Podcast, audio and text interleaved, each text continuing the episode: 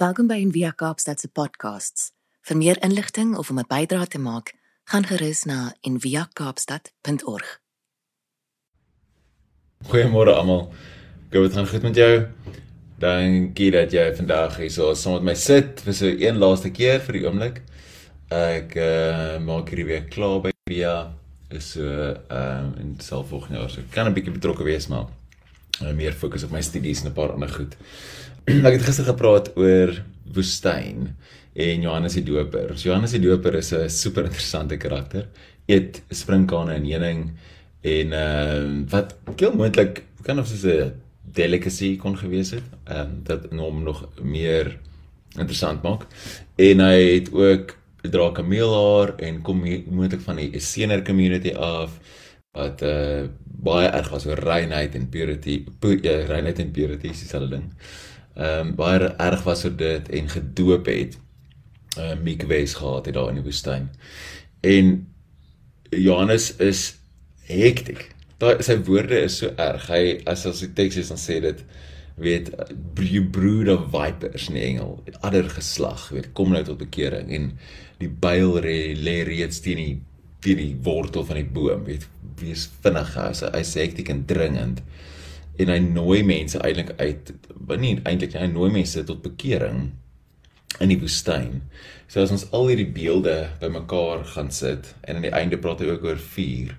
En as ons al hierdie beelde bymekaar sit, dan kry ons hierdie hierdie idee van om uitgenooi te word na 'n radikale verandering om in die woestyn in te gaan. Woestyn is 'n liminale spasie, 'n plek tussen hier en daar, 'n vreemde plek, 'n rebelse plek, 'n plek waar jy God ontmoet en dan ook 'n plek van stilte. Die woord woestyn beteken ook stilte en 'n plek van geen klanke eintlik.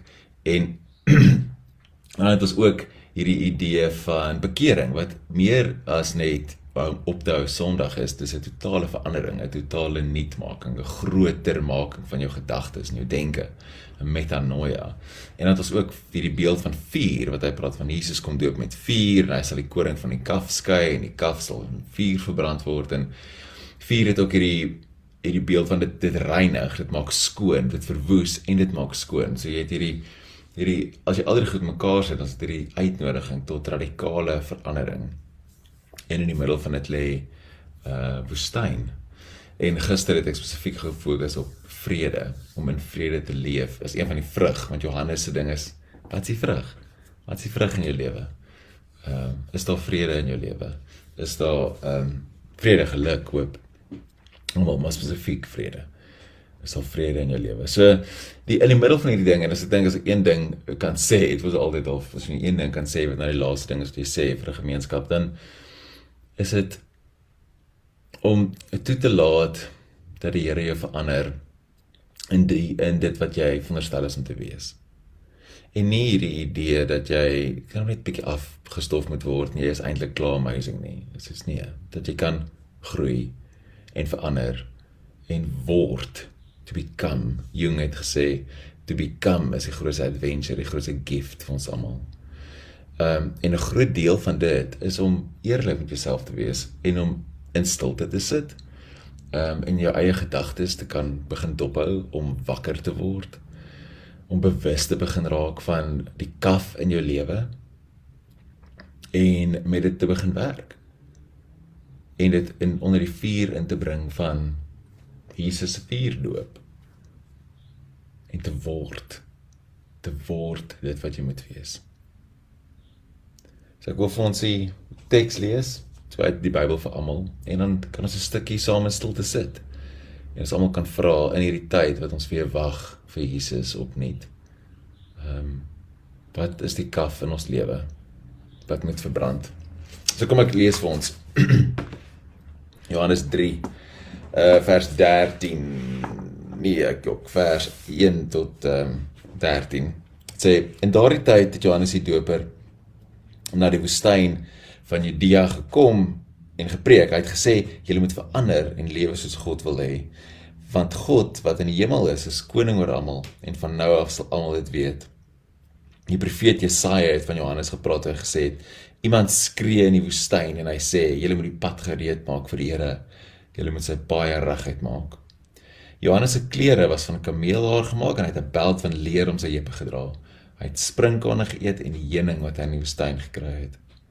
Toe die mense van Jerusalem en die hele provinsie Judea en van plekke naby Jordaanrivier hom gegaan.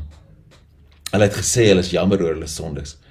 En Johannes het hulle in die Jordaanrivier gedoop. Johannes het gesien baie van die Fariseërs en Sadduseërs kom sodat hy hulle moet doop en hy sê te vir hulle: "Julle is so skelm so slange. Julle sal nie kan wegvlug wanneer God se straf kom nie. Nee, julle moet wys julle het verander en dat julle nou lewe soos God wil hê. Julle moet wys julle is soos bome wat goeie vrugte dra. Julle sê vir mekaar: Ons is kinders van Abraham. En julle dink daarom sal God julle nie straf nie. Maar ek sê vir julle, God kan van hierdie klippe kinders van Abraham maak. God het al klaar begin om te oordeel. Dis soos wanneer iemand met 'n 'n byl elke boom wat nie goeie vrugte dra nie afkap en in die vuur gooi. Ek doop julle met water om te wys julle wil lewe soos God wil hê. Maar later sal daar iemand kom wat meer doen kan doen as ek. Ek is nie belangrik genoeg om sy sandale om te dra nie. Hy sal julle doop met die Heilige Gees en met vuur. Hy sal die mense oordeel. Dit sal wees soos iemand wanneer iemand 'n vurk neem en die koring en die kag op sy dorptoers mekaar skei. Hy maak koring met mekaar en berg in sy stoorkamer en hy verbrand die kaf. Die oordeel van God sal wees soos 'n vuur wat nie ophou brand nie. Dit ons vat hierdie wille teks en dan ehm um, sit ons net saam met dit vir 'n oomblik en vra opreg waar is die kaf in jou eie lewe? Waar is dit waar die Here ons wil hê? En waarheen kan ons groei?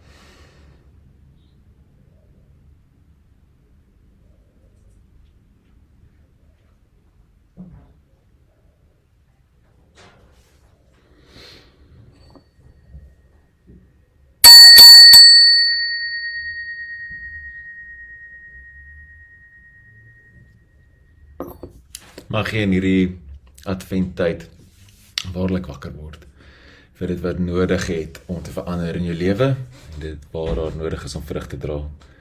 Dankie dat jy saam met my gesit het. Dankie dat ek kon deel wees van jou lewe ook op hierdie manier.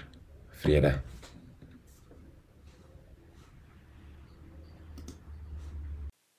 Dankie dat jy saam geluister het vandag. Besoek gerus en via kaapstad.org vir meer inligting.